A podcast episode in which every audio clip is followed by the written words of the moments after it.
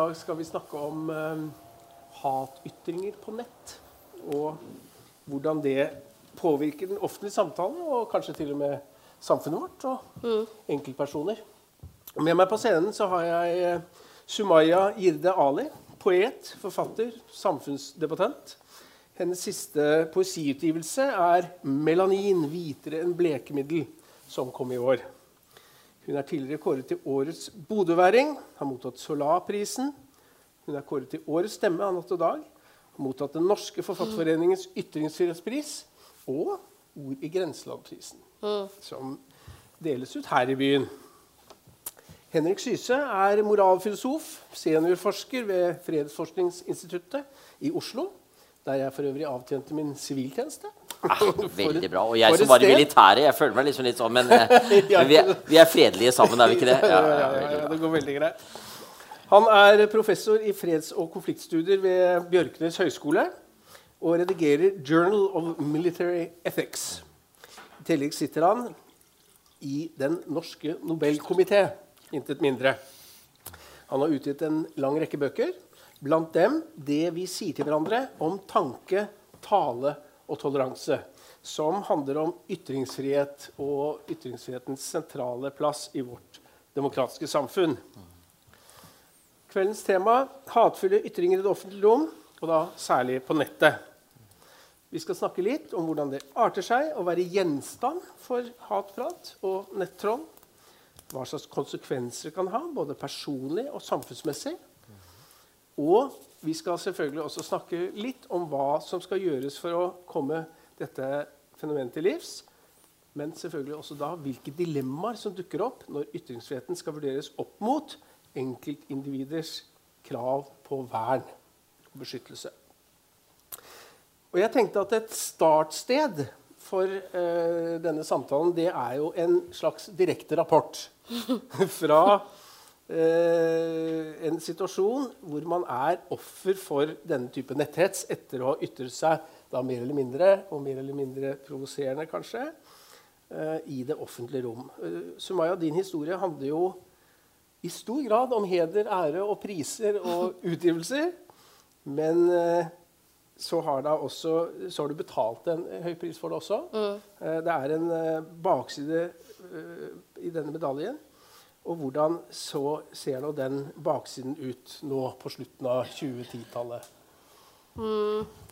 Den ser jo Altså, jeg har jo jeg har ikke vært like aktiv det siste året, og det er jo dessverre en naturlig konsekvens av at man blir eh, bevisst på hva man kan si, og hva man ikke kan si, hvem man kan prate om, og i hvilke ordlag. Og man, når du ser hva slags reaksjoner det du gjør, og det du sier, fører med seg, og hvor eksplosive disse reaksjonene kan være, så vegrer du deg selvfølgelig, og naturligvis. Altså, jeg driver med veldig mye selvsensur. Det er veldig ofte at jeg som et skrivende menneske så kommer det en eller annen impuls, en eller annen tanke, en eller annen idé, en eller annen eh, At jeg blir inspirert av en eller annen person som bare formulerer seg på en interessant og tanke, tankevekkende måte, og så bare så bare vet jeg at jeg kan ikke følge opp den tanken. Eller hvis jeg gjør det, så kommer det en eller annen form for selvskapt mur hvor jeg er redd og jeg, jeg blir bekymra og jeg tenker nei, dette kan jeg jo ikke skrive. Dette kan jeg ikke si.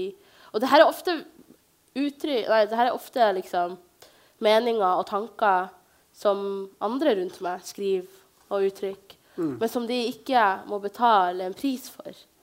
Og, og det er det vi ikke, altså det, I norsk offentlighet og i det, norsk, i det offentlige ordskiftet så har man ikke lagt så veldig mye vekt på det der. At det fins en reell forskjellsbehandling i hvordan folk blir mottatt, og hvordan folks meninger, enten de blir anerkjent eller avfeid det, det her er ting som skjer hele tida. Og det er ofte på bakgrunn av hvem man er. Mm. Kan du fortelle litt om hva du opplevde? Du, du, du debuterte som samfunnsdebutant eh, for å si det sånn, i, i 2016 i Aftenposten. Eh, sidesiden. Eh, Uh, bare så dere vet det, så har vi snakket sammen tidligere i dag også. slik at hvis vi refererer til noe som ble sagt tidligere, så var det fra, fra et, et, møte for videregående skole som vi hadde i formiddag. Um, bare fortell litt om hva som var bakgrunnen for det innlegget, og hva du på en måte opplevde. Hva var det du som skjedde i din innboks og, din postboks? hadde nær sagt? Ja, for det, det, er veldig mange som tror at, at jeg har blitt hetsa først nå nylig. eller at det, Særlig når det var på sitt verste i fjor vår, når uh, altså, opptrappinga til 8. mars og kvinnedagen. Uh, så tror veldig mange at det var da det starta, men det var jo ikke da det starta. Det starta så tidlig som høsten 2016, da jeg skrev mitt første innlegg i Aftenpostens side, hvor veldig mange andre ungdommer også en plattform som veldig mange andre ungdommer benytta seg av. Og da skrev jeg da et innlegg som handla om at jeg for første gang i mitt liv hadde, altså Den sommeren hadde jeg vært i London, som jeg ofte er fordi jeg har familie der. Og for første gang i mitt liv da, fordi jeg hadde vært der så mange ganger Og dere vet jo sikkert sjøl òg at hver gang du er et sted Jo flere ganger du er der, jo altså, du ser nye ting. Du opplever nye eh, Du tar til deg nye impulser. Og du ser byen eller den, det landet med helt nye øyne. Og det er ofte i relasjon til, med liksom, hvor du er i livet, hva slags interesser du har nå. Og på det tidspunktet så, så jeg for første gang og det var sommeren 2016 da, så så jeg for første gang at London var veldig god til å gjenspeile hele befolkninga og vise at det fantes så mange ulike mennesker der som og det, altså det, det, det var veldig unikt og veldig rart. Jeg er jo fra Bodø. Vi er 52 000 innbyggere. Og den eneste plakaten liksom, som viser forskjellige uh, mennesker, er ni år gammel United Benetton-plakat med fuglebæsj. Det, det, det, var veldig befriende og rart å se alle disse menneskene med mørk hudfarge eller kvinner med hijab som var representert i store billboards eller i aviser eller på TV. De var synlige. De var i samfunnet. De er i samfunnet. På samme måte som de også befinner seg i Bodø. Men nå var de synlige. De vistes. Som om samfunnet sa vi ser dere, vi anerkjenner dere, vi er takknemlige. Her er dere. Og så kommer jeg jo selvfølgelig hjem etter sommerferien er ferdig, og jeg savner den samme anerkjennelsen. Jeg får den ikke. Så jeg, det, det, her fører til frustrasjon som bare bobler seg, og så skriver jeg det et innlegg og sender det inn. Og jeg husker jo at like etter det så ble jeg jo ført på en, så, en repatrieringsliste. Det å repatriere noen betyr å sende dem hjem igjen. Det er jo en liste som også Syse har også blitt oppført. Jeg var på en annen del av den, men jeg, det kom til å skje fæle ting med når de ja. rette menneskene overtok. ja. Og det fordi jeg hadde da uttrykt en mening som jeg hadde, og en, en, frustrasjon som jeg faktisk satt med, så skulle jeg bli sendt ut av landet av en mann som førte opp alle han mislikte. Uh, enten de var folk med minoritetsbakgrunn som meg, eller folk han anså som landsforrædere, som Syse. da. Og det det var sånne reaksjoner som var, på en måte, Jeg hadde ikke blitt vant til det, men etter hvert så forventa jeg det. Jeg fikk hatbrev i posten. Jeg kom hjem fra skolen, videregående, og så ligger det et brev ved senga mi, og jeg åpner den, og så er det en person som forteller meg at jeg sant, de, de, fæleste ting. Og det er så grenseoverskridende, og det er så, og det er så ekkelt, og det er så inn i min hverdag. Dette var før jeg fikk kommentarhets, og før jeg fikk hatmail. Og det bare balla seg på, og det gikk i bølger. ikke sant? Og jeg, mm, det første leksa jeg lærte, var jo at det her var uavhengig av hvem jeg var Nei, det var uavhengig av hva jeg sa og hva jeg gjorde, men det handla om hvem jeg var, og den plassen jeg tok. ikke sant? Jeg er brun, jeg er muslim, jeg er somalisk. Jeg er mange ulike grupper, minoritetsgrupper i én person. Og alle disse minoritetsgruppene følger med negative stereotypier som det er veldig lett å henge ens hatknagg. liksom. Og det, det, bare gikk i bølger, og så var det først i fjor vår at jeg på ordentlig ble syk av det. Fordi det, jeg ser for deg et lite beger som sakte, gradvis blir fylt. Det er en filosof som kalte det for et 'death by a thousand nicks'. Du samler på stikk her og der.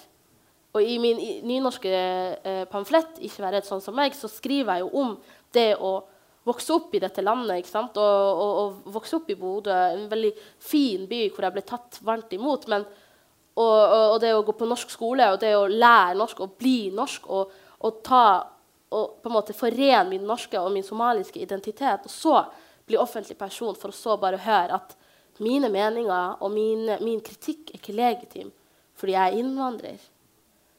Det, det er den der konstante påminnelsen. Ikke sant? På engelsk heter det 'othering'. Du blir hele tida gjort til den andre. Ikke sant? Du bidrar på lik linje som alle andre, men du blir uansett satt til side. Og det, det er så altså, Ord kan ikke beskrive hvor belastende det er. Nei. Og for deg så endte det med voldsalarm, Ja. og det endte med sykdom. Hvem, hvem er hetserne? Ja, Det varierer veldig, men de fleste er menn. Eh, middelaldrende menn. Eh, som eh, Det er også noen kvinner som hetser meg. Og de Thomas Hilland Eriksen eh, var på boklansering som han, eh, han har skrevet en samtalebok som ble lansert i går. Han sa at det fins mennesker i vårt samfunn som eh, altså de, I hodet så har de ikke klart å henge med den endringa samfunnet har gått gjennom. De befinner seg i det samfunnet, men mentalt og liksom holdningsmessig så er de langt bak. Og det, det, jeg, jeg satt der og nikka bare, for det var sånn Det føler jeg de som hetser meg, og de som mener at jeg bør komme meg tilbake dit jeg kom fra, eller de som sier at, jeg, at de har lyst til å skrelle av meg negerhuden min med en, med en eh, ostehøvel. Folk som det er ikke De er ikke klar over altså det, Han snakker om kart og terreng, og at man, man, ser, man ser noe annet enn det som er der. Og man lengter etter en, en, en, en, en Norge som ikke lenger eksisterer. Så det er jo sånne mennesker. Men jeg er så lei av sånne klisjeer om at de, de hetserne er onde, og at de, er, de sitter i kjelleren og de, de har liksom ikke et liv. Det finnes folk der ute som har et liv, som er, som er sosiale, som er aktive, som har det bra med seg sjøl, men som likevel har forskrudde meninger og holdninger, og som kan sende meg meldinger, lange avhandlinger som er intellektuelt sammensatt, hvor de beskriver mennesker som meg som farlige sopp. Så de, de, vi må, vi må det, det, hjelper ingen å snakke om hetsere som en gruppe, eller å snakke om dem som, som liksom en, en, en, en, veldig lik, homogen gruppe som man kan på en måte løse. Eller, eller, eller ofte i norsk ordskifte så snakker man om dem som om man, man sier de er ikke representative. De er, de er fem stykker som sitter der ute. liksom. Og det, det, Hva hjelper det med å marginalisere, med å si at de er fem stykk? Du, du, går jo ikke i kjernen, du snakker jo ikke om holdningene deres. Du snakker jo ikke om hva, hvor farlig det tankegodset er. Du bare sier, du snakker om størrelse i stedet. Du snakker om det som selvfølgelig er vesentlig, men det er ikke kjernen i problemet.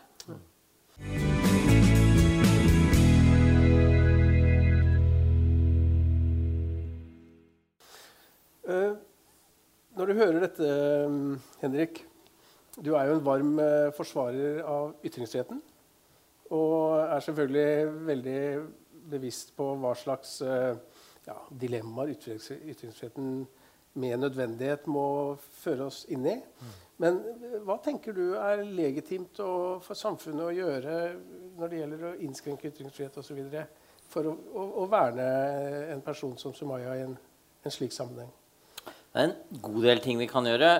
og det som er så viktig først for meg å få sagt, er hvor viktig det du sier, er nettopp fordi du minner oss om at dette her er ikke bare en sånn adskilt liten gruppe. som mm. noe. Det er ganske mm. utbredt i samfunnet vårt. Jeg tror de av oss som har jobbet litt med det, vet at det er ganske mye som bobler der ute av måter å snakke med andre mennesker på som rett og slett er nedverdigende uansett hva man mener. Og så bruker man også unnskyldning. Ja, men det er andre som gjør det også. Ja, men Se hvor farlig islamismen er. Det er helt komplett irrelevant.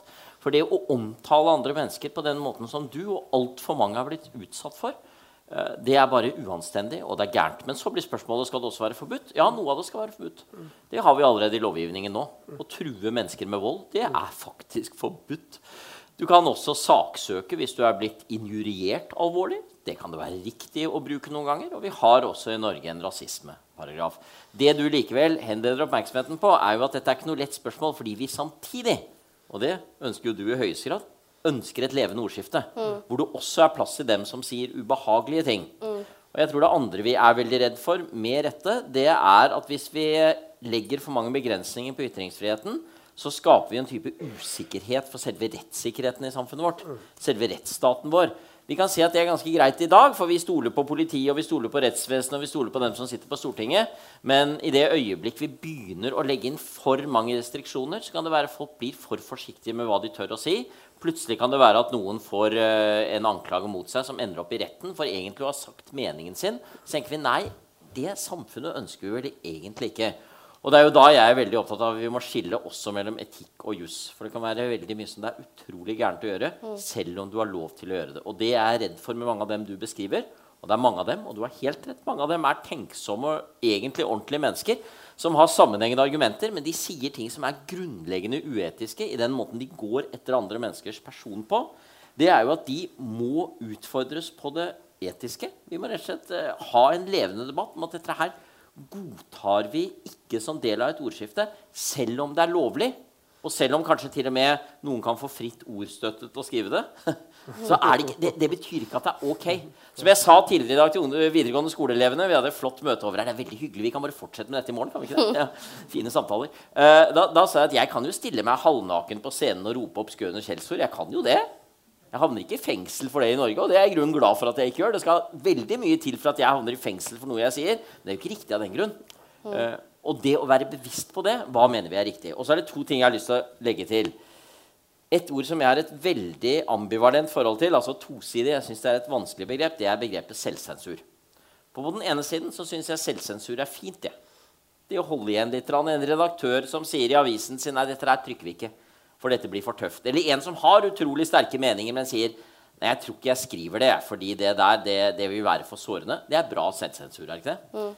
Men så ser jeg at noen mennesker må sensurere seg selv som har mye viktig å si, fordi andre ikke har selvsensur. Og når du føler at du må holde igjen på det du mener er viktige meldinger å sende ut, fordi du vet at du får reaksjoner du bare ikke orker å leve med, da er det noe gærent på ferde. Mm. På mange måter så tenker jeg at jo, vi skal alle utøve selvsensur, men når det kommer dit at vi ikke orker å si noe fordi vi vet at vi kommer til å bli angrepet som person, kommer til å oppleve så mye hatsk at dette her åh, nei, jeg, jeg vil bare ikke, så er det fare på ferde. Og der representerer jo du også en ganske viktig gruppe, nemlig ganske mange unge jenter mm. som ikke orker å uttale seg i offentligheten. De har kanskje prøvd en gang å skrive et leserinnlegg, og så fikk de altså en motbør så redselsfull. Og så tenker de nei, det der vil jeg ikke være med på. Det er alvorlig. Og det er vi nødt til å tenke gjennom, alle vi andre, hvordan vi da beskytter det frie ordet. Og det siste jeg hadde bare lyst til å si når jeg nå har fått lov til å høre deg både i dag morges og, og, og nå, det er jo at jeg er jo blant dem som mener at det er veldig fint at vi tar vare på norsk kultur og norsk språk og beskytter det. Og samtidig mener jeg at det går hånd i hånd med mangfold. Og det er jo fordi en kultur er jo ikke bestemt en gang for alle. En identitet er ikke bestemt en gang for alle. Det norske er ikke noe statisk. Det norske utvider seg hele tiden. Jeg kan anbefale en herlig sosiologibok. Norges beste om dette. Det er Are Kalvøs bok 'Våre venner kineserne'. Det er en anmeldelse av norske kinarestauranter. Det er en feiring av norske kinarestauranter. Og den er en morsom bok, men den har også et ganske alvorlig poeng. Nemlig da kinarestaurantene kom på 50- og 60-tallet, syntes de fleste var veldig fremmed. Hva er dette for noe rart? Får vi ikke kokte poteter i middag? Hva, hva, skal vi med sånt nå? Og så gikk det noen år, og plutselig var kinarestauranter det norskeste av det norske. Kan du tenke deg Oslo i dag uten kebabsjapper? Det utvider seg. Mm. Og der synes jeg at Sumaya er et kjempefint eksempel på en som hjelper oss å utvide det norske. Det er ikke noen motsetning mellom å være glad i Ibsen eller opera på den ene siden og ta vare på det operaet for å bli internasjonalt, og det å si vi trenger nye stemmer. Og da har jeg lyst til å si, og det sier jeg ikke bare fordi du er her, det, det sier jeg til andre også, men eh, du gjør noe så veldig fint, for du kommer som en stemme utenfra. Du har med deg det somaliske, somaliske og samtidig så dyrker du språket. Du er utrolig flink med det norske språket. Uh, jeg hører på måten du formulerer setninger på, måten du skriver dikt på. Uh, og det er med på å gjøre det norske språk rikere. Takk og pris at vi har det. Og det trenger vi å ta vare på, for noen ganger blir det en sånn kamp mellom kulturkonservative på den ene siden og de som liker mangfold på den annen side. Men det trenger ikke være noen motsetning. For du kan være veldig glad i det å ta vare på en nasjonal kultur. Være stolt av 17. mai og det norske flagg og, og Henrik Ibsen og Bjørnstjerne Bjørnson. Og samtidig si dette trenger å utvide seg. Det er jo for øvrig Bjørnstjerne Bjørnson sånn. Han var jo så opptatt av Norge som en internasjonal nasjon i dialog med andre, som å lære av andre. Og Det eh, minner du oss om, og det er veldig viktig å, å, ta vare på. For ellers kan vi havne i noen sånne helt kunstige debatter. Sånn Norge versus mangfold. Veldig dum debatt. Men, men, jeg tenker at det der med selvsensur særlig er jo altså Forskjellen er jo hvor kommer det fra? ikke sant? Er det, er det, er det eksternt, eller er det internt? For, hvis det, for de eksemplene du nevner, er jo interne. ikke sant? Det er en redaktør som reflekterer over hva, hva, kan, hva, hva vil vi med dette ikke sant? hvis vi produserer denne artikkelen, denne saken. Eller, men for min del så er det jo det, altså det, er det er de ytre det er de ytre reaksjonene som fører til at mitt indre er klar over at jeg kan Jeg, jeg, jeg, jeg har ikke råd til å gjøre dette. Jeg husker jo eh, Et ferskt eksempel var jo nå i vår, da NRK Debatten ringte og var sånn Ja, vi vil ha deg på altså, torsdagens sending. Og så sa jeg jeg, er midt i eksamensperiode. Jeg har ikke råd til å hekse, hetse, gå inn i en ny hetseperiode. For det er det som skjer når du viser deg i en så offentlig og bred eh, Eller inntar en så offentlig posisjon. For du, så du må, liksom, man må jo ta den der avveiningen. Og det, noen kan jo si det der gjør vi hele helt ikke sant? Orker jeg dette? Har jeg energi til dette? Sånne, sånne eh, på en måte Vi reflekterer jo sånt om det hverdagslige hele tida. Men jeg tenker det her er påført. Ikke sant? Det, det kommer utenfra. Jeg har ikke bedt om dette. Jeg har bare gjort det alle andre gjør i norsk offentlighet. Det der er et veldig nyttig skille. Forskjellen mellom indre og påført selvsensur. Indre selvsensur kan være veldig bra. Det bør vi alle utøve innimellom. Eh, påført selvsensur kan være veldig farlig. Men så er jo selvfølgelig det interessante eh, paradokset da, at, at det vi jo nå snakker om, er jo strengt tatt på et eller annet nivå å påføre nettrollene selvsensur. Ja. Men ved å oppfordre dem til en indre selvsensur, kanskje. Ja. Men du kan også si at det er en form for oppdragelse som alle trenger. Det kan høres litt nedlatende ut å snakke om oppdragelse. Men jeg mener om meg selv at jeg trenger massevis av oppdragelse. Det å få tilbakemeldinger. Det å bli fortalt at 'nei, det var ikke så lurt å si' når du går på innhold. Det må vi alle sammen tåle. Og det har jeg opplevd selv også. Ikke sant? Jeg har også av og til vært med i samfunnsdebatter, og så får jeg en reaksjon, og noen av de reaksjonene er helt rimelige. Sånn at jeg må si jo, det gjorde litt vondt, jeg hadde jo ikke lyst til å få kritikk for det. Men du verden så fint at noen bryr seg og sier fra og kommer til meg og sier du, det du sa der Du skal vite at det ble tatt opp eller ble forstått på den, den måten. Ja, nyttig. Det er forskjell på som det heter i gode gamle dager, og, ø, forskjell på å ta mannen og ballen, eller i vår tid hvor kvinnefotballen er bedre, kvinnen og ballen. Har du, har du opplevd i stor grad å, få- å få konstruktive tilbakemeldinger? Ja, jeg, jeg gjør jo det blant liksom altså, blant, eh, altså, når, det kom, når det gjelder, til, når det gjelder selv, altså, kulturdebatter og debatter om litteratur, så er jeg jo Jeg deltar på mange mulige i mange uli, ulike arenaer, så jeg får jo det. Men jeg får Men også, også, kan man også tenke seg sant, hva kan man forvente av massen, og særlig den ekstreme delen, fordi alle blir jo nå til dags hetsa. Se på kommentarfeltet når det gjelder bomringene. Det er veldig mye i, nu, i dagens samfunn som får folk til å eksplodere. Og, og jeg tenkte det igjen med selvsensur, for jeg tenkte sånn vi, vi ber jo ikke folk om å holde igjen. Vi ber folk om å, opp, liksom, om å formulere seg på en anstendig måte. For du kan, ha, du kan si alt, egentlig. Du kan si, og det vet jeg som har blitt redusert i folks søppelbøtte i lang tid, jeg vet at man kan si det meste i vårt samfunn, og uten å bli straffa for det. Men det handler om hvis du, ta, hvis, du, hvis du ønsker å bli tatt på alvor, hvis du vil at jeg skal svare deg, hvis du vil ha en dialog, en diskusjon, så må du anerkjenne at jeg også er menneske. At jeg gråter og drømmer på det samme språket som det du gjør. For det er det som, er, som skiller en mening og en hatytring. En mening er en person, eh, fremmes av en person som genuint er interessert i å snakke med deg. Ha en utveksling. Kanskje bli, eh, altså se ting på en helt annen måte. Eller eh, enten de, vil, de ønsker å bli opplyst eller ikke, eller hvis de vil holde fast på sitt. Uansett motiv så handler det bare om at du anerkjenner den andres menneskelighet. Og det er det som ikke skjer. Det er helt riktig. Og så er det klart det er forskjell på mennesker, og det vet jo du godt også. For det er noen mennesker som er i det offentlige på en måte som gjør at de nok må finne seg i å tåle litt mer. Det betyr ikke at man skal være eh, nedverdigende overfor dem. Men det betyr at litt hardere ordbruk må de finne seg i. Og kanskje en uh, Sylvi Listhaug eller en eh, Jonas Gahr Støre må finne seg i det. Eh, og Det har litt å gjøre med at eh, ellers kan det oppleves for folk at vi ikke gir plass til forskjellige synspunkter. Så akkurat å vite hvor den grensen går, er ikke alltid like enkelt. Men det betyr ikke at grensen ikke er viktig. Eh, Jeg er så glad i et engelsk ordtak jeg fant et sted, som lyder omtrent slik eh, The fact of twilight does not take away the distinction between night and day. Skumringens faktum tar ikke bort forskjellen på natt og dag. Det at du ikke kan sette en tydelig grense, det betyr ikke at det ikke er en forskjell. Det er en veldig viktig forskjell på hatytringer og meningsytringer. Og så vil det alltid være noen som vi får diskutere. Og da får vi heller diskutere dem, da. Men ikke ta bort hele distinksjonen. Hva tenker du om eh, det Sumaya sier om eh, altså Tilsynelatende så er jo dette noe som, som er eh, hva heter det, stadig økende. Det blir mer og mer. Det, jeg vet ikke om det egentlig er riktig. Hvis man ser på aviser fra 1880-90-tallet, så er det jo relativt eh, friske tak mellom folk.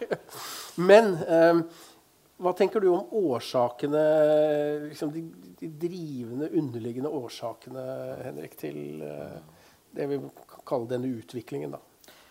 Jeg tror de er sammensatte, men eh, jeg, vi kan ikke undervurdere den rollen som Internett og den veldig raske spredningen av informasjon og ytringer som følger med det, medfører. Eh, jeg tror nok at Hvis man hadde hatt Internett i 1814, så hadde det vært litt av hvert av meldinger som ble sendt da. Jeg leste en artikkel om det for ikke så lenge siden som handlet om ytringskultur i 1814. Og de som var uenige om Grunnloven og Sverige, de brukte ganske sterke ord mot hverandre. Og i litt sånn penere ordelag. Det er litt som når du hører i det britiske parlamentet. Hvor de sier ganske stygge ting om hverandre, men det er pakket inn i sånn The right honorable gentleman just said, and he is an idiot. Uh, og så høres det litt fint ut. Ja, ja, og det var nok sånn mer i 1814, og det var nok mer former på den måten man brukte språket. Men hardt. Og Derfor er det ikke sikkert at de var noe bedre enn oss. Noen ganger tror jeg det var enda verre. Eh, journalistikkhistorikere den var det noen av i denne byen her på IJ, eh, har jo sett på kriminalitetsjournalistikk fra 20- og 30-tallet. Hvilke detaljer man hadde hvis et drap var begått. Der er det bedre i dag. altså. Presseetikken i dag er bedre tror jeg, på mangt enn det. Så det er ikke det at det blir verre og verre, men det som er saken er at du får en del forskjellige kanaler som du ikke hadde før. Så det er, det er, det ene. Det andre er at det skjer jo selvsagt også endringer i ideologier. Og Da vi var sammen tidligere i dag, snakket vi litt om USA. og USA er et godt eksempel fordi USA påvirker mange av oss. Der har man sett en tiltakende polarisering i politikken som er drevet av at ideologier er blitt viktigere. Uh, det startet særlig på begynnelsen av 1990-tallet med en reaksjon mot Bill Clinton, anført av bl.a. som het Newt Gingrich, som var kongressrepresentant for replikanerne, som valgte at nå skal vi kjøre en mye hardere linje, så nærmest så på at demokratene de er sosialister som ikke bryr seg om USA, mens vi er mennesker som tar vare på det ekte amerikanske. Og dette skal vi bare kjøre og kjøre og kjøre for alt det er verdt. Og det han var med på å piske opp, var en sånn måte å argumentere på som ble allment godtatt. Det var ikke bare det at noen sa det eller gitt debatt gjorde man det. var hver dag. Ikke minst på det som en gang var cable news og sånne cable TV-shows, og som så raskt ble transportert videre til, eh, til, Internett. Jeg vet ikke om noen har sett på Laura Ingram eller, eller uh, Rush Limbaugh eller, eller, Sean Hannity eller noe sånt på amerikansk TV. Mm. Dette er altså den type argumentasjon som sier at vi har ikke noe felles engang. Og da får du en veldig hard polarisering. Og da får du på en måte et slags Da får det en slags legitimitet å uttale seg på den måten. For vi snakker jo om dem som er onde. Det tror jeg er en ganske skummel utvikling. Jeg har to helter fra siden vi er inne på amerikansk politikk. Jeg skal bare bruke som et eksempel. Uh, på 1980-tallet var Ronald Reagan president i USA. Og jeg tror ikke jeg hadde stemt på ham, men uh, for han ligger langt til høyre for der jeg ligger. Selv om jeg er litt til høyre i norsk politikk, så er ikke det der borte. Og Hans store hovedmotstander het Tip O'Neill. Han var eh, speaker i Representantenes hus. Og Tip O'Neill og Ronald Reagan hadde som prinsipp altså De var veldig uenige, veldig forskjellige ideologisk. Husk, etter klokken seks er vi alltid venner. Og det var en sånn påminnelse. Vi kan alltid snakke sammen. Vi kan alltid finne løsninger. Det er en sånn rørende korrespondanse mellom de to, og det smittet av på folk rundt dem. Det er klart vi skal kunne gjøre ting sammen. Det er klart vi er venner. Det er klart at vi skal kunne finne løsninger når det kommer til stykket.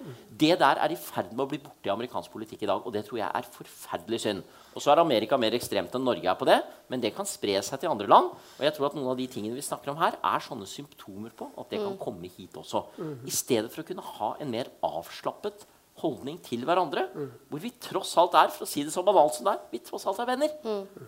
Med venner snakker man på en litt annen måte enn man snakker med uvenner. Og den ideologiseringen der den tror jeg er ganske skummel. Og når den kommer samtidig med Internett ser, ser, den, eh, ser, eh, noen av dere den utviklingen eh, i norsk politikk òg?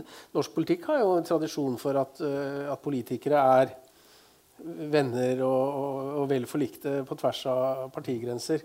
Er er det noen tendenser i norsk politikk til at det hardner til? Syns du du ser det? Jeg tenkte det er veldig synlig, eller det blir mer og mer synlig i språket, i hvert fall.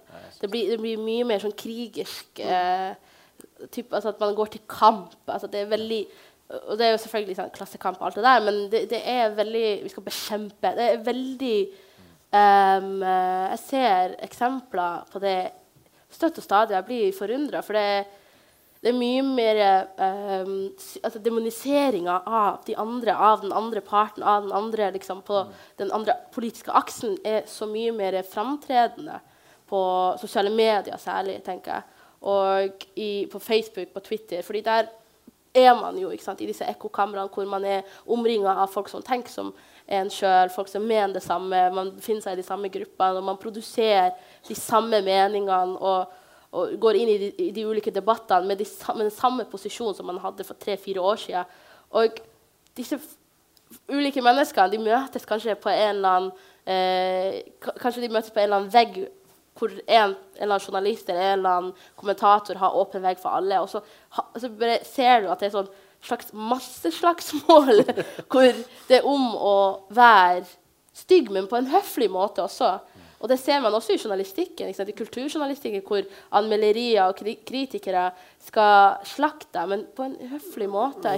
Hvis ikke så Så jeg ser det, jeg ser tendenser eh, egentlig overalt, og jeg, jeg syns det er veldig bekymrende. Så, og Eh, Nei, har, vi snakka jo tidligere om Facebook-debatt. Jeg har trukket meg totalt ut fra det, for det er, det er så fiendtlig. Det er så, så, så, så lada atmosfære at det, det, er ikke til å, det er ikke der debatten ligger lenger.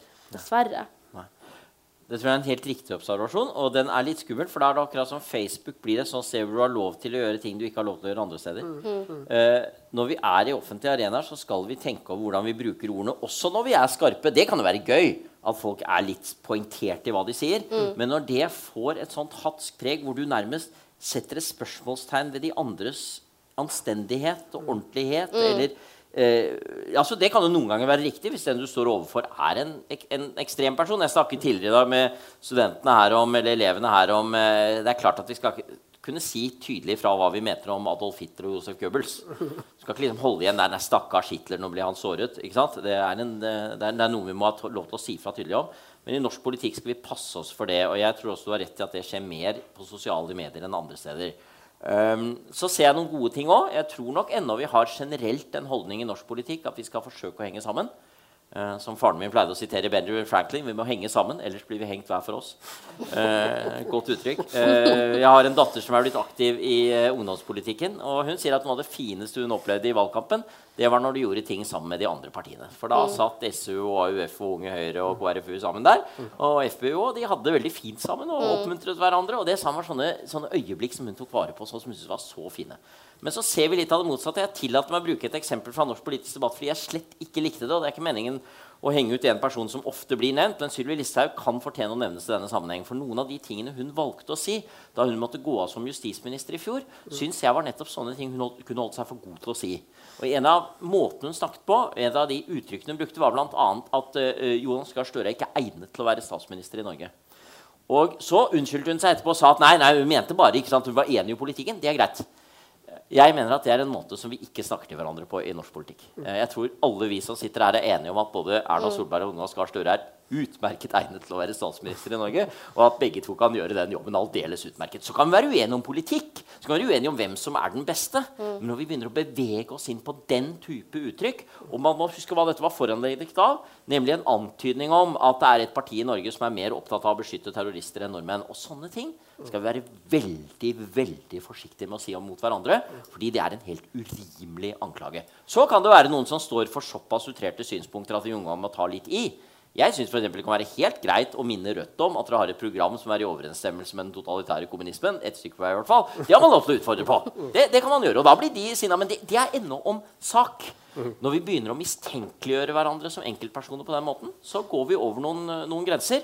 Og jeg synes det var interessant å se en person jeg har stor respekt for, i hvert fall, Vidar Helgesen, som bare kort tid før hadde sittet i regjering sammen med Sylvi Listhaug. Som altså gikk ut i Morgenbladet ganske tydelig og sa eh, sånn politisk språkbruk skal vi ikke ha i Norge. Og det syns jeg var fint han sa fra om.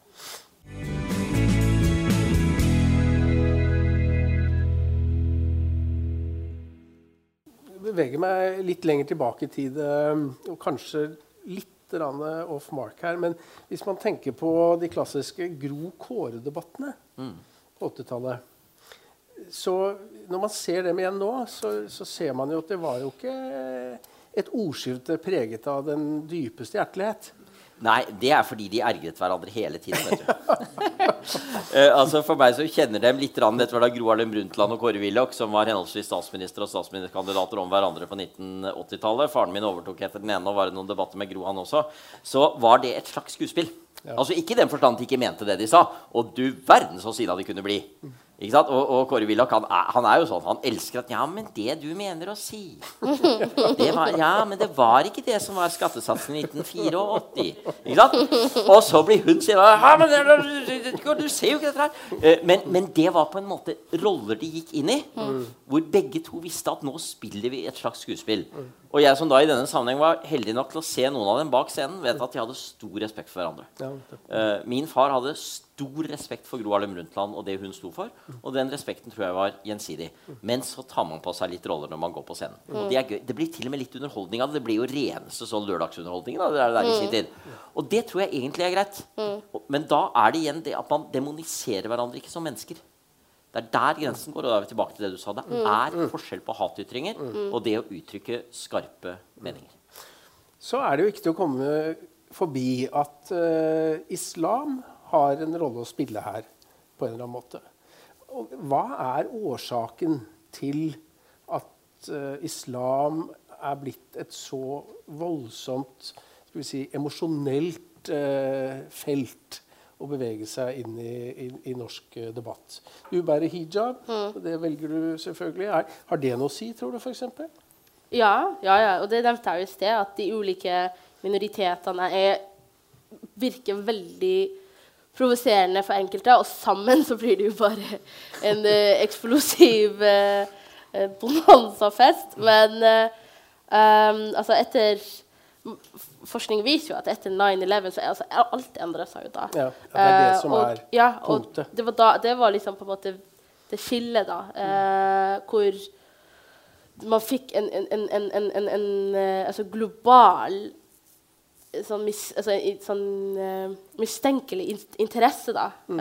for islam og muslimer. Og, og selvfølgelig altså, terrorangrep og alt sånt her har jo vært med på å forsterke det, men mm. man har altså, det var, eh, Jeg tror det var Bushra Ishak som, skrev, som utga en bok for to år siden. Hun, I boka hennes hadde hun, hun, satt, hun fremsatte at når man søker på retriever eh, på de mest søkte eller de mest skrevne tematikkene i norsk altså når det gjelder norsk journalistikk, så er først eh, islam og muslimer Nei, islam og muslimer er nummer tre. tror jeg. Seks var den første eh, og så var det én til, og så var islam og muslimer nummer tre. De mest søkte, mest skrevne tematikken. Og det er jo den der sånn, at vi den konstante produseringa, den konstante problematiseringa ja, ja, av For det er, jo, det er, jo en ting å bedrive religionskritikk. Det er jo en ting å, å, å, å Når det kommer til sant, verdens tredje største religion, eller andre største religion, Uh, og verdens største voksende religion. Mm. For det, det, til islam det er flest konvertitter. Men det, det, er en ting å bedrive religionskritikk og være kritisk og, og snakke høyt om dette. Og, og, spørre om islams rolle i, no, i, verdens, uh, i den globale sammenhengen. Men det er noe helt annet når denne når her, altså når eh, altså det er ikke refleksjon engang. Det blir, det blir bare ren problematisering av mennesker. Mm. Mm. For det er der igjen man tar ikke man, man, går ikke etter ballen, man går etter personen. Ja. Og det kjenner jo muslimer på kroppen. Mm. Ja, ja. Daglig. Mm. Og, og, det er veldig mange, altså Jeg har fått så mange henvendelser fra unge muslimer som sier til meg hvorfor skriver du ikke om dette. ikke hvorfor, mm. hvorfor, skriver du ikke om at vi blir uh, mistenkeliggjort, at vi, vi opplever dette? At, hvorfor, hvorfor, hvorfor, er du med mediefolk som uh, skriver så fælt? Altså, jeg blir hele tida konfrontert med det. Mm. Mm. For det er, det er, reelt, og det er der, og det, det, det, er mye som kan bli sagt. Men jeg, uh, Nei, altså, jeg syns det er det er vanskelig. Ja, det er det. Eh, jeg startet faktisk dagen i dag. Jeg har sånn den store debattdagen. Jeg startet den i Oslo på et møte med Sylo Taraku, som på et frokostseminar i dag la frem en bok som heter 'Frihetskampen i islam'. Det kan jeg anbefale. Det er en utfordrende, men svært spennende bok som nettopp er kommet. Og han er også, en, i likhet med deg, en spennende muslimsk stemme i Norge. Han er ikke eh, muslim. Nei, han- er av fødsel. Ja. Og han var praktiserende muslim flere år. Ja. Eh, Nå regner han seg som en slags kulturmuslim. Ja. Og han sier han har ikke noe behov for å ta avstand fra det. Det er noen som liksom er veldig nøye på at 'jeg er ikke muslim lenger'. Jeg er ikke muslim. Han sier at nei, jeg har ikke noe behov for å si det. Jeg eh, markerer flere muslimske høytider. Eh, han sier ikke at han har noe sterkt personlig forhold Mm. til det, mm. men er opptatt av at det er tross alt hans bakgrunn. Oppvokst i Kosovo. Uh, og det er en veldig intelligent og, og interessant bok. Og en av de tingene han påpeker, er jo at det er på sett og vis en politisk tragedie som har skjedd over de siste tiårene. Og 9-11 er en del av det, men det er også mye Vestens feil. Nemlig at det er én relativt liten og ekstrem gruppe innenfor sunni-islam som har fått veldig mye av definisjonsmakten om hvordan islam fremstår ellers i verden. Uh, og, og, og denne gruppen da fra uh, Saudi-Arabia og det, den makten de har, er litt, sier han, som om Ku Klux Klan skulle fått massevis av olje i fanget og blitt den definerende ideologiske gruppen i USA. Han sier det er nesten litt sånn. Og så har du selv hatt andre grupperinger innenfor islam òg. Du har en del ekstreme bevegelser også innenfor shia-islam. Men saken er den at du har altså fått noen som har fått lov til å fremstille et islam som er krigersk, som går tilbake til en del veldig gamle forestillinger om et skille mellom krigens og fredens hus, ikke Dar al-Harb og Dar al-Islam. Og det er på en måte Dar al-Islam som er i kamp med resten av verden, og som skal tvangsomvende resten av verden. Og hvis du hadde gått 100 år tilbake i tid og sagt at dette kom til å være det som preger islam, så hadde folk sagt det er helt sykt. Dette er jo et RAN-fenomen. Hvis du tar et sånt begrep som hellig krig, eksempel, så var jo det et relativt levende begrep i kristendommen så sent som under uh, spanske borgerkrigen. Mens i islam var det noe som var knapt var snakket om. Og så har det altså skjedd et eller annet som har både politiske og økonomiske årsaker, og som dessverre også har truffet en del strenger, følelsesstrenger i deler av den islamske verden. Ikke minst en følelse av ydmykelse. En følelse av å ligge bak, en følelse av å være hele tiden på en måte tilsidesatt av en vestlig verden som bare raser fremover. Og dette til sammen har skapt en del gnisninger mellom det vi bredt kan kalle den islamske verden, og det vi veldig bredt kan kalle den vestlige verden. Og det tragiske da er når de fordommene som dukker opp i kjølvannet av det, blir rettet mot enkeltpersoner av muslimsk tro, identitet eller bakgrunn. Islam er veldig sammensatt, akkurat som kristendommen er sammensatt. Det er ingen naturlov som sier at ikke islam kan være en del av det vestlige samfunn, eller at for den saks skyld kristne kan være del av ikke-vestlige samfunn. Vi er hele tiden i utvikling. Vi lærer hele tiden av hverandre. Islam har endret seg masse gjennom historien. Hvis man går tilbake til 600-tallet og profeten og sporer islam fremover, er det massevis av forskjellige æraer. Å si at måte, dagens mest ekstreme konservative sunni-islam, det er egentlig islam.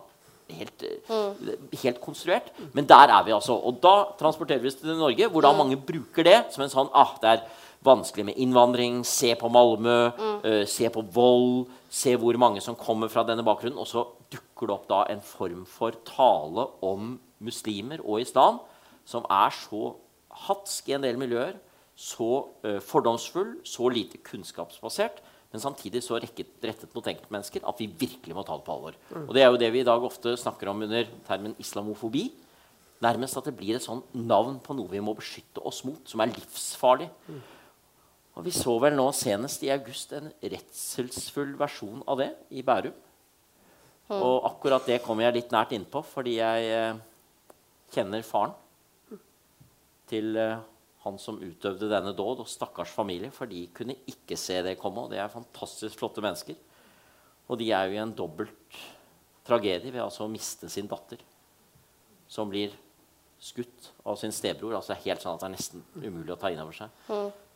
Men der ser vi jo i Bærum hvordan disse miljøene har prøvd å nå ta hverandre i hånden med hvilket jeg mener Al-Noor-moskeen, som jo kunne vært et alvorlig mål for dette. Heldigvis gikk det ikke så, så ille. Og også uh, Manshaugs familie, og hvordan de prøver å holde sammen og trøste hverandre og være der for hverandre. Poenget mitt er likevel det at den ideologien som han representerer, den er altså så skummel. Og hvis det er i ferd med å bre seg Husk hva han har sagt for noe. Vi har jo fått vite litt om det fra retten. Om hvordan han må beskytte oss i den fremtidige rasekrigen. Altså, dette her er Og dersom sånne ting er på fremmarsj, så må vi andre bare kjempe imot det vi kan. Med det vi kan kjempe med, som er ordet, anstendigheten og ikke minst avdramatiseringen. Bare å sitte sammen, dele ting sammen, skrive, diskutere, gjøre alle disse tingene, som gjør at vi normaliserer hverandre. Og da, som en som er pappa til en jente som går på Ulsrud videregående skole, og har eh, et stort flertall av eh, muslimer i klassen sin, så kan jeg fortelle dere at det går riktig bra. Det går riktig bra hvis man behandler hverandre med respekt og vennskapelighet og ordentlighet. Jeg har, jeg har faktisk eh, et sitat fra en, venni- en veldig god venninne av meg som Vi bare snakka en dag, og så sa hun at å være ung muslim i dagens Norge, det er som å bli sett på som en svulst når du opplever deg sjøl som en velfungerende organ. Det er godt sagt. Og det, det, det, det husker jeg, synes det var et veldig sterkt og oppsummerende uh, sitat. For det er jo, som du sier, ikke sant? det er den der dominiseringa av enkeltindivider, av mennesker som tror, på lik linje med alle andre mennesker som tror, og de som ikke tror. At det er, det er mennesker som bare le, vil leve, ikke sant? som ønsker å være lykkelig, som ønsker å være med sine nære og sine kjære. Og så blir de da for det, det, det, det mest vanskelige som jeg har opplevd, det er jo den der konstante reduseringa til en gruppe. ikke sant? Du, be, du består altså Du er en del av en homogen gruppe som tenker likt, som handler likt, som, som er sånn. ikke sant? Du er veldig A4. Du, og, og folk går ut ifra det selvfølgelig pga. hijaben. ikke sant? Ok, hun der hun har på seg hijab, så hun ber fem ganger daglig. Og så kan det kanskje hende at bestevenninna mi Silan, som er kurder, hun som ikke går med hijab, hun ber kanskje mer enn meg enn det jeg gjør. Så? Don't judge a book by its cover-sitatet. For, for folk er jo ikke som du tror de er. Og folk kan ikke redusere Alle, alle vi er sammensatt. Vi kan ikke reduseres til enkelte uh, forestillinger som vi har av hverandre. Vi kan ikke det. Og jeg syns det er veldig trist fordi noen mennesker i vårt samfunn får lov til å beholde individualiteten sin. Noen mennesker i det globale samfunnet får lov til, når de begår helt forferdelige hendelser øh, og begår helt forferdelige kriminelle gjerninger, så, får, så, de, så beholder de sin menneskelighet. ikke sant? Man, vis, man spør hvor gikk det galt. Mens når det gjelder andre, og hvis de har muslimsk eller arabisk bakgrunn, så, man, her, så går man ut ifra at det alltid alltid hadde gått galt. Det var aldri et fint eller positivt. Og det her ser man jo i mediedekninga også, fordi vi, altså journalister er jo også som alle andre mennesker, og de er jo også fordomsfulle, og de bærer jo bagasjen sin inn. Jeg har veldig mange journalistiske venner, og jeg, jeg sier det her til dem støtter stadig. Vær bevisst på dine fordommer, for det kan vises i dekninga. Ja. Og et veldig godt eksempel på det her er jo The, The Daily Mail, som når de dekte uh, han uh, Brenton i New Zealand, så var, så var det et bilde av han og faren. Og, han var en blond liten gutt som liksom satt på hofta til faren sin. Og så så man den samme avisen når de dekte Orlando-terroristen, da han gikk inn i en nattklubb og skjøt mennesker. Da var det et bilde av han som en selfie av han som så veldig hatsk ut. Hvordan, hvordan, hvordan presenterer vi oss? Hvordan, og hvordan, hva slags bilder hva slags forestillinger er vi med på å skape og sementere når vi velger? For det, bildebruk og, og forestillinger og måten vi snakker om hverandre på, alt det der er jo så avgjørende for de inntrykkene vi etterlater. jeg, jeg tenker på det, dere, det vi snakker om nå, er jo polarisering. Og mange årsaker til polarisering. Det er migrasjon, det er antageligvis noe økonomi i det. Det er, eh, har kanskje noe med sosial mobilitet å gjøre. Det er antageligvis mange, mange årsaker. Men, men du som arbeider med å forske på konflikt og, og, og fred, hva er på en måte konsekvensene langsiktig av den type polarisering som vi ser nå? En mulig konsekvens som vi skal passe oss veldig for, det er det som eh, er blitt kalt i den britiske debatten for 'two nations'. Det er et begrep som kommer fra en, eh, en konservativ statsminister på 1800-tallet som het Benjamin Disraeli. Eh, men selv om han var både konservativ og imperialist, så var han også en person som var veldig opptatt av at vi må aldri gli så langt fra hverandre at vi ikke har et fellesskap. Eh, det brukes i dag som et begrep for en litt sånn lyseblå form for konservatisme. One nation tourism. Vi må huske at vi skal hjelpe hverandre, delta med hverandre, ha solidaritet med hverandre. Også på tvers av det som ellers måtte være skillelinjer. Og Benjamin Disraeli visste litt om det, for han var jøde i et uh, Storbritannia hvor det var mye fordom mot det å bli likevel statsminister.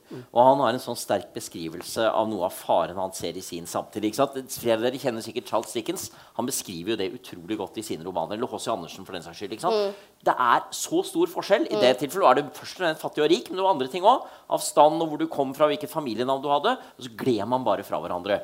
Og det tror jeg er litt av det vi ser generelt i konflikter. Man glir fra hverandre, slik at man kan bygge videre på den type fordommer. Og det kan skje over tid. Eller kan skje plutselig. Tenk på Rwanda. Plutselig eksploderte det. Kjørt frem av fordommer. Du kan ikke stole på den. Det er livsfarlig. Uh, vi ser jo det også i uh, land som uh, Etiopia, Eritrea, Somalia. jeg har lest mye om det i det siste, fordi jeg måtte lese meg opp på han som vi til slutt delte ut Nobels fredspris til. Eller vi skal dele den ut. Vi har jo annonsert det. Um, og, og nok en gang ser man hvor farlig det er. Og den eneste måten å komme det i møte på, er jo at vi klarer å skape rom hvor vi er sammen, mm. respekterer hverandre, men også viser at vi kan være sammen innenfor et nasjonalt fellesskap som er sammensatt. Mm. Og det fikk meg til å tenke på i stedet at du sa det du sa. Og jeg sier det nå også fordi eh, avtalen vår var at uh, den debatten går fra halv åtte til halv ni. For jeg får en taxi som kommer og henter meg halv ni. Jeg håper andre, dere andre kan bare fortsette. Men jeg har lovet hjemme at jeg ikke skal komme hjem for sent. For jeg har vært borte mange kvelder på rad, og datteren min jeg lovte at jeg skulle være hjemme før ti. Så jeg skal ta ti over halv ni-toget. Så jeg sier det nå også. Og så er det bare å lete etter meg på Prios uh, nettsider, altså Institutt for fredsforskning, så nå vil skrive en mail til meg etterpå, eller hva som helst. Men jeg kan til å tenke meg da da, da, du sa det i sted om hvordan man føler det selv når noen sier sånt mot mm. deg eller mot andre. ikke sant? At uh, føler at du er redusert. Uh, så er det jo en uh, leveregel som finnes i de aller, aller fleste religioner og livssyn. Og både islam og kristendommen. Og det er jo det vi ofte kaller den gylne regel. Mm. Og jeg vil si at det å benytte den gylne regel når vi ytrer oss, er en veldig god måte å tenke på. Nemlig hvordan ville jeg føle det hvis andre sa det om meg i samme situasjon? Det betyr ikke at du ikke kan kritisere. La oss ta religion som et eksempel. Jeg er del av et kristent trossamfunn, Norsk kirke. Og jeg syns det er vondt hvis noen kritiserer veldig sterkt, gjør narr av det jeg står for. Men jeg merker allikevel at det må jeg på en måte finne meg i. Det er en del av en åpen debatt. Mm. Hvis jeg blir stemplet som en idiot pga. det jeg står for, eller at det jeg står for, er farlig, og du er en kakerlakk fordi du sier det, tenker jeg, det ville gjøre så vondt. Mm. Jeg ville oppleve at det var så nedverdigende og vil gjøre det vanskelig for meg å fungere. Og da må jeg tenke da skal ikke jeg si det om andre heller. Da skal jeg ikke si det om andre mennesker, uansett hvor store for forskjeller vi har. Og Det kan høres ut som en liksom banal ting, en gyllen regel, men søren heller, den er ganske dyp. altså. Mm. Og den trenger vi å ta til oss. Den er jo uh, en god rettledning i de, i de, fleste sammenhenger. Men hva, hva skal vi gjøre i en situasjon hvor stadig flere åpenbart ikke lar seg mm. styre av indre eh, etiske regler. En indre etikk som, som hensyntar andre. Hva tenker du om det? Altså, jeg, tror, jeg, tror jeg, ikke, jeg, tror ikke jeg er like optimistisk som det du er. Jeg er ikke det. Jeg, Winston Churchill sa en gang at en pessimist er en optimist med erfaring. Eh, men da kan man ha litt av optimismen Ja, ja, men, ja. ja, men det, det, det, det, kjenner jeg meg veldig godt igjen i. For jeg var jo en optimist da jeg først trådte inn i denne eh, arenaen. Men jeg, tror vi er forbi det punktet, egentlig. Og det, høres ut som at det liksom ikke er mulig å gå, gå tilbake. Jeg, og jeg vet ikke om det er mulig å gå tilbake, men jeg tror dessverre vi er på et punkt hvor man ser ikke den andres menneskelighet. Ikke sant? Man, man, og, og, og, man evner ikke å se den andres menneskelighet. fordi det er, det, Den er på en måte blitt begravd i alle disse forestillingene som man har skapt sjøl. Jeg har ikke telling på hvor mange mennesker som har sendt meg melding, mail på uh, altså de, de, de, de, skriver en beskrivelse av den de tror jeg er. Og når jeg sier 'jeg er ikke sånn', 'jeg er ikke for steining', ikke sant? så sier de 'jo, det er du'. Så sier jeg 'nei, jeg er ikke for steining', sier jeg. 'Jo, men du er det'. Så sier jeg 'men hvordan vet du det'? Så sier de 'jo, jeg vet det', for sånne som deg er for steining. Og det er jo det jeg mener. ikke sant? Man, man har begravd den, jeg, jeg, jeg, trenger ikke å si noen ting.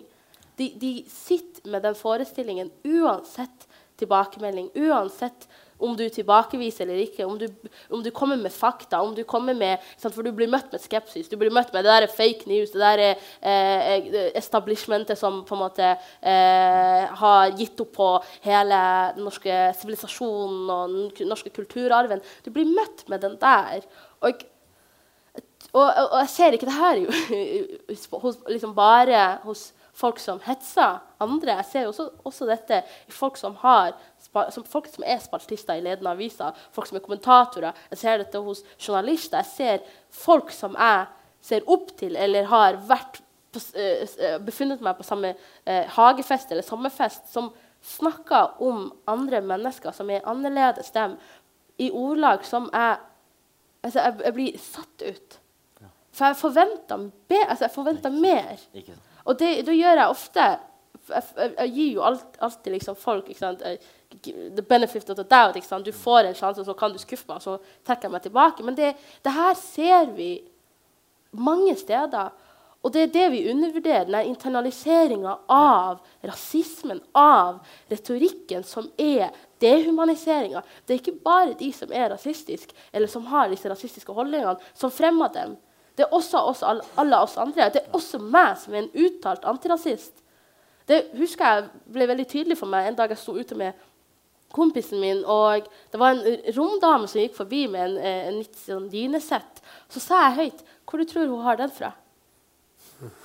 Og, og, han så på meg med forskrekkede øyne og bare hva, hva, er det du sier? Og så sa jeg hvor du tror hun har det fra. Og jeg er ikke bevisst på det sjøl. Så sier han til meg nå var du faktisk veldig fordomsfull. Og da ble jeg satt ut. Jeg var sånn Ja, det var jeg. Fordi jeg har, den, jeg har fått repetert den forestillinga om romfolk som mennesker som snylter, som mennesker som bor Og så var det jo den Brennpunkt-dokumentaren. og Det er veldig masse forskjellig som viser at det er tilfellet. Men det trenger ikke å gjelde alle. Ikke sant? Så jeg, står jeg der og bare antar at hun passer til den forestillinga jeg har i hodet mitt. Om hun så hadde tatt den dyna, så er det klart det er en måte vi skal møte hverandre med respekt på allikevel. Det ligger jo i FNs verdenserklærings første ord om at alle mennesker har den samme iboende verdighet. Mm. Og det gjelder også om du har gjort noe gærent. Men poenget mitt det er, jo poenget er veldig godt. Poenget mitt er at den, den, den forestillingen alle sammen. Alle sammen jeg, jeg, og det, vi kan ikke, ikke vi kan ikke unnslippe det. Og vi må bare, vi må bare snakke høyere. og vi må være, Bevisstheten må være der. fordi også uttalte antirasister kan produsere og være med på å videreføre slike forestillinger. Men det du gjør akkurat der, er jo kanskje det som samtidig gjør, gir grunn til noe optimisme. Nemlig hvis vi kan utøve selvrefleksjon. Mm. Eh, Platon og Sokrates, hans lærer, mente jo at det var utgangspunktet for sann selvinnsikt. Det er at man også kan reflektere over seg selv. Og det er også utgangspunktet for visdom. Og kan vi ha den type samtaler hvor vi faktisk stopper opp innimellom? Og når er det vi kan stoppe opp? Jo, jeg er ofte pessimistisk, jeg også. Men så ser jeg også veldig mye ønske hos mange mennesker om at vi skal klare å leve sammen i fred. Og Hvis jeg får ta da det dramatiske og forferdelig vonde øyeblikket i Bærum Da jeg var til stede i og var med på å lede bisettelsen til Johanne, så så jeg også mennesker som i sorgen og tragedien kommer sammen. Og strekker en hånd ut og sier at 'dette godtar vi ikke'. Sånn er det ikke hos oss. Hun jenta fra Al-Noor Islamic Center som talte i Johannes' begravelse, det er noe av det fineste og sterkeste jeg har hørt. Og Hun talte rett etter Bærums ordfører og Norges justisminister. Og de tre sammen sa veldig viktige ting. Ja, det var bare akkurat den dagen. De mente det ikke. Jo, jeg tror de mente det. Jeg tror det. Jeg tror det. Og jeg tror i hvert fall at det er en sånn anledning til å, til å vekke oss. Uh, men du har helt rett. Vi må se på oss selv. Og vi som kaller oss etniske nordmenn, vi må se på oss selv. Vi er virkelig nødt til å stille noen spørsmål. Mm er det ting som sprer seg i måten vi tenker om hverandre på og snakker på. Jeg vet godt hva du sier, for jeg møter det samme jeg som er kristen. møter noen. Du tror vel på hekseprosesser, du? Du er helt gæren, er du ikke det? Ikke jeg vet jo hva det er. Men jeg tror muslimer i dag møter det enda mye sterkere. Og det er vi nødt til å ta opp uh, kampen mot. Og så velger jeg å tro, og det er det siste jeg da skal si før jeg løper av gårde Faren min var jo da politiker, og han pleide å si at det er når du begynner å bli lei av å si noe selv, at det begynner å sive inn der ute. Det var hans advarsel til dem som hadde holdt samme tale tre ganger og sa nå gidder jeg ikke en gang til. Så Maja, dette må vi bare fortsette å si. Det må du fortsette å si. Vi må ikke bli lei. For hvis vi gir opp og tenker nei, dette her går ikke, så kan det være at det er eh, den andre siden som vinner, for da tenker jeg nå har vi vunnet. Men hvis vi bare fortsetter hver eneste dag i måten vi snakker om og med hverandre på, og insisterer på den anstendigheten og skikkeligheten og respekten som også skal prege et uh, ramsalt ordskifte, så tror jeg sjansen er der for at vi vinner. Edmund Burke sa en gang at det eneste som skal til for at de onde skal vinne, det er at de gode ikke gjør noen ting. Og nå sier ikke jeg at vi er gode per definisjon. Det er ikke sånn, det sa jo du veldig fint. Det er ikke sånn, De er gode, og de er slemme. Mm. Det er massevis av grånyanser. Men det er noe som er godt. og noe vi skal kjempe for. Og eh, takk for at jeg fikk dele noen tanker om det sammen med deg. Jeg tar deg ordentlig i hånden der. Glede å være sammen med deg. Takk skal du ha. Og sier jeg Takk for besøket. takk. Vi ses. Vi Vi fortsetter etter dagen. Ja, ja. Vi kan møtes igjen i morgen, vi, kan vi ikke det? Og så kan disse bare fortsette, kan vi ikke det? Ja. Flott. Tusen, tusen takk for meg.